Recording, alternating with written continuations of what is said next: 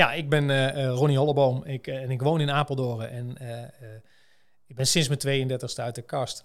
En ik werk bij Deltion als kookdocent op dit moment. Ja, coming out dag, is dat belangrijk? Ja, is, is dat eigenlijk belangrijk? Want dat is mijn vraag eigenlijk. Want een coming out dag zou niet nodig moeten zijn om dat, om dat te laten weten. We zijn allemaal natuurlijk gewoon normaal mensen. Dus iedereen moet natuurlijk vrij kunnen zijn in wat, wat we zijn. Ik bedoel, we hebben ook geen hetero-dag. Hè? Ik bedoel, maar het is wel belangrijk, want het moet, kenbaar gemaakt worden om te zorgen dat mensen uh, wat vrijer kunnen zijn en moet normaal kunnen zijn. En dat moet nu momenteel met een coming-out dag, maar dat zou natuurlijk eigenlijk anders moeten zijn. Zo zie ik dat eigenlijk zelf. Ja, dat was wel een, was wel een moeilijk moment. Ik was 32 toen ik uit uh, mijn coming out, eigen coming out was. Dus ja, al jaren mee, mee gelopen. Dus dat was wel lastig je weet het van, van jezelf, deels. Maar eh, om het dan ook nog eens een keer kenbaar te maken, uh, wordt een moeilijkere stap.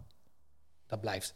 Voor wie dan ook. Ik bedoel, uh, je moet ook realiseren dat elke opmerking die je maakt kwetsend kan zijn en je niet stimuleert om, om uit de kast te komen als het een foute opmerking is.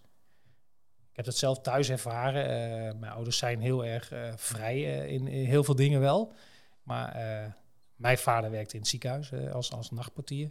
En uh, daarin uh, s'morgens vroeg thuis kwam en zegt van... God, ja, er zaten ook weer twee homo's, zaten dat te breien.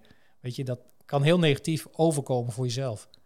En dat was voor mij wel een moeilijkere stap om te zeggen van... Het kwam negatief voor mij over. Terwijl het eigenlijk niet zo bedoeld was, want het was gewoon een, een opmerking die die plaatste. En dan maakt het je wel moeilijk om te zeggen van... hé, hey, ik ga die stap maken. En als je dan ook nog eens een keer een broer en een zus hebt... die allebei getrouwd zijn, kinderen hebben en dat soort dingen... Maar, wordt het wel steeds lastiger. Naarmate je ouder wordt, wordt het ook lastiger hoor. Vind ik. Ik was bij mijn ouders thuis. Ja, op dat moment was ik bij mijn ouders thuis en er gebeurde iets. Er was ook een opmerking die geplaatst werd. En ja, dat was wel de reden waarop ik uh, uh, eigenlijk knapte.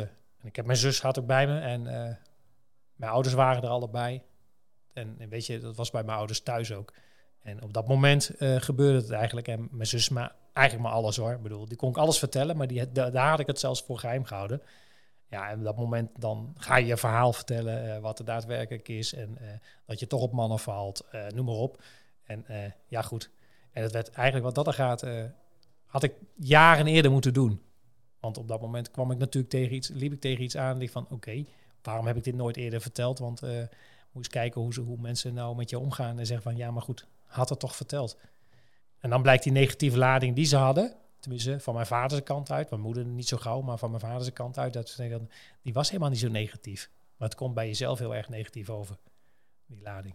Mijn moeder die, die barstte natuurlijk ook in tranen uit, want die zegt van joh, eigenlijk gevoelsmatig wisten we wel dat er iets aan de hand was, maar we konden het niet plaatsen. Maar ja, en ik ben gewoon omarmd, uh, vooral door mijn zus natuurlijk op dat moment dat was fantastisch. We hebben ook gelijk gebeld bij mijn toenmalige partner die ik toen had. Ja, ja. gelijk gebeld en gelijk contact gemaakt. Hij is ook gelijk gekomen op dat moment, weet je, dat, dat soort dingen allemaal. Ja. Ja, wat je nodig hebt, je hebt gewoon iemand nodig in, in, in, in, in de buurt die uh, dit soort dingen zullen kunnen begrijpen. Weet je, ik, ben, ik geef natuurlijk les, ik geef een praktijkles, dus ik ben wel heel open in wat er, wat er gezegd, tenminste over mezelf ben ik heel open. Vanaf dag één zeg ik gewoon, jongens, luister, ik val op mannen, uh, klaar. Het is gewoon belangrijk uh, dat je dat weet. Want ik vind gewoon belangrijk dat er in deze groep misschien best wel iemand tussen zou kunnen zitten die misschien ook wel gevoelens heeft voor, voor, voor, voor het andere geslacht. En kijk, als je de opmerking maakt van hey homo of wat dan ook door de klas, dan geef ik meestal de opmerking van luister, riep je mij. Uh, daar zul je ook van schrikken. Hè? Ik bedoel, uh, dat mag ook. Je mag alles zeggen wat je wil, maar hou er rekening mee dat je andere mensen wel kan kwetsen, want je kwetst mij er niet mee. En ik probeer het altijd open te houden in de hele klas. En dan zeg ik van, joh, als je er wat is, uh, je mag me altijd mailen. Jullie hebben allemaal een mailadres van de docenten, dus je mag altijd mailen als je ergens mee zit. mag je dat openstellen. En ik blijf daar continu elke dag op, op, op, op hameren. Gewoon zeggen, gewoon open blijven. Dus als ze een opmerking plaatsen, gewoon op reageren en met een lolletje afdoen en proberen dat dat wel in te drukken dat het voor degene die het misschien wel uit de kast zou moeten komen, niet uh, negatieve, geen negatieve lading gaat krijgen. Want dat is het eigenlijk. Je hebt gewoon die negatieve lading, die heb je eigenlijk niet nodig. Dus je hebt iemand in de buurt nodig die misschien jou kan helpen. En dat is niet altijd makkelijk hoor, want dat ga je niet uit de directe omgeving altijd halen. Dat ga je zoeken. Dan moet je de volgende stappen nemen. Hè? Kijk, er zijn heel veel mensen die natuurlijk bij hun ouders uh, op dat moment de eerste stap gaan zetten. En dan moet je nog eens een keer richting je werk. En dan moet je nog eens, tenminste als je in het bedrijfsleven zit, hè, dan ga je er toch langzaam van, hé, hey, wat, moet ik die, wat moet ik hiermee? Ga ik het uitleggen? Ga ik het niet uitleggen? Hou ik het nog heel lang verborgen? Want het gebeurt ook. Kijk, voor mij was het duidelijk. Ik, uh, ik heb het op dat moment gezegd van, uh, nou mag iedereen het ook gewoon weten. En weet je, de meest belangrijke mensen die rondom je heen staan, die moeten het weten. En de rest komt vanzelf. Dan loopt het ook veel makkelijker. En daar moet je ook maling aan hebben, denk ik, voor mezelf. Maar goed, dat is, de directe omgeving is gewoon belangrijk om die dat te kunnen vertellen. En de rest komt vanzelf. ik wil eigenlijk anderen meegeven dat ze gewoon... Zij bepalen de tijd wanneer je uit de kast wil komen. Want dat is gewoon belangrijk. Je kan wel zeggen van ik, uh, ik moet nu, ik moet nu, maar dat heeft geen zin. Jij bent er pas klaar voor als je er klaar voor bent. En ik heb het ervaren met een student hier binnen de school, binnen, de school, binnen mijn lessen eigenlijk ook. Van uh, die jongen die uh, moest uit de kast, of die was bij zijn ouders wel uit de kast. Die bleef hangen bij mij in de les. Van meneer, ik zit toch ergens mee, ik wil met u praten. Ik zei, dat kan, dat kan, al, dat kan altijd. Ja, maar ja, ik val op mannen. Ik zei, ja, en? Ik zei, ik had het al gezien hoor. Ik zeg, want de gevoel hebben wij natuurlijk al. Hè? Dus uh, ik zei, ik had het al gezien. Ik zeg, maar jouw medestudenten zien het ook. Ja, maar ik ga het de klas niet vertellen. Ik zeg, maar je hoeft het zo ook niet te vertellen. Ik zeg, je vertelt het pas wanneer je het wil vertellen. Eerder moet je het ook niet doen. En of je nou 32 bent of 17 of 16 of 15 bent, maakt me niet uit. Maar je bent er pas klaar voor als je er zelf klaar voor bent.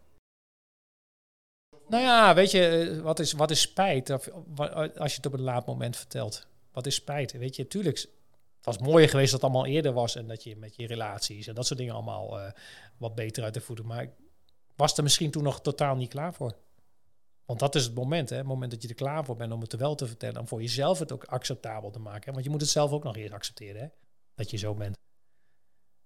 Niet iedereen accepteert zichzelf direct al hè, daarin. Dat is lastig. Ik heb ook altijd gedacht van in het begin van God, nee, dit, dit is anders. En als ik me realiseer uh, dat ik als, misschien wel als jongen van 12, 13, 14 misschien al wel naar jongens zat te kijken. Maar dan moet je terugdenken. En dan realiseer ik me wel dat het eigenlijk veel langer was voor mezelf. Maar gevoelsmatig uh, lijkt het dan niet zo. Weet je, het meest belangrijke vind ik dat iedereen, iedereen elkaar accepteert daarin. En of hoe, wat het ook mag zijn. Ik bedoel, uh, we hebben natuurlijk best wel heel veel uh, verschillende dingen. en ik heb me sinds kort eigenlijk zelf een beetje aangesloten bij een, een, een soort van community-achtig iets. Be Pride heet dat. Kun je op, op, op, Facebook kun je dat ergens wel terugvinden op internet. Het is ook een beetje een gesloten groep ook, hè, want het is niet helemaal vrij. Maar daar kun je op aansluiten. Maar daar worden allerlei dingen georganiseerd. En voor mij is het op dit moment het meest belangrijk, want ik ben 16 jaar getrouwd geweest ondertussen. En ondertussen ben ik er nu ook vanaf. Vijf jaar helaas. Maar uh, ja, weet je, het is wel... Je moet wel weer de wereld ontdekken. Want ik ben met mijn eerste partner die ik had, uh, waar ik mee uit de kast ben gekomen in die tijd, dat, uh, daar ben ik 16 jaar mee getrouwd geweest. En dat was wel, ja. Ook dat is een bepaalde wereld. Ook wij scheiden, onze wegen scheiden ook op een bepaalde manier natuurlijk. Dat, dat kan gebeuren, ja. Ja, ook bij ons gebeurt dat, ja. En ik bedoel, of dat nou om een ruzie gaat of om, om, om, hè, om vreemd gaan of wat dan ook. Ik bedoel, dat, speelt van alles natuurlijk dat gebeurt bij ons. Het is ook niet bij ons altijd koek en ei hoor. Dus uh, ja.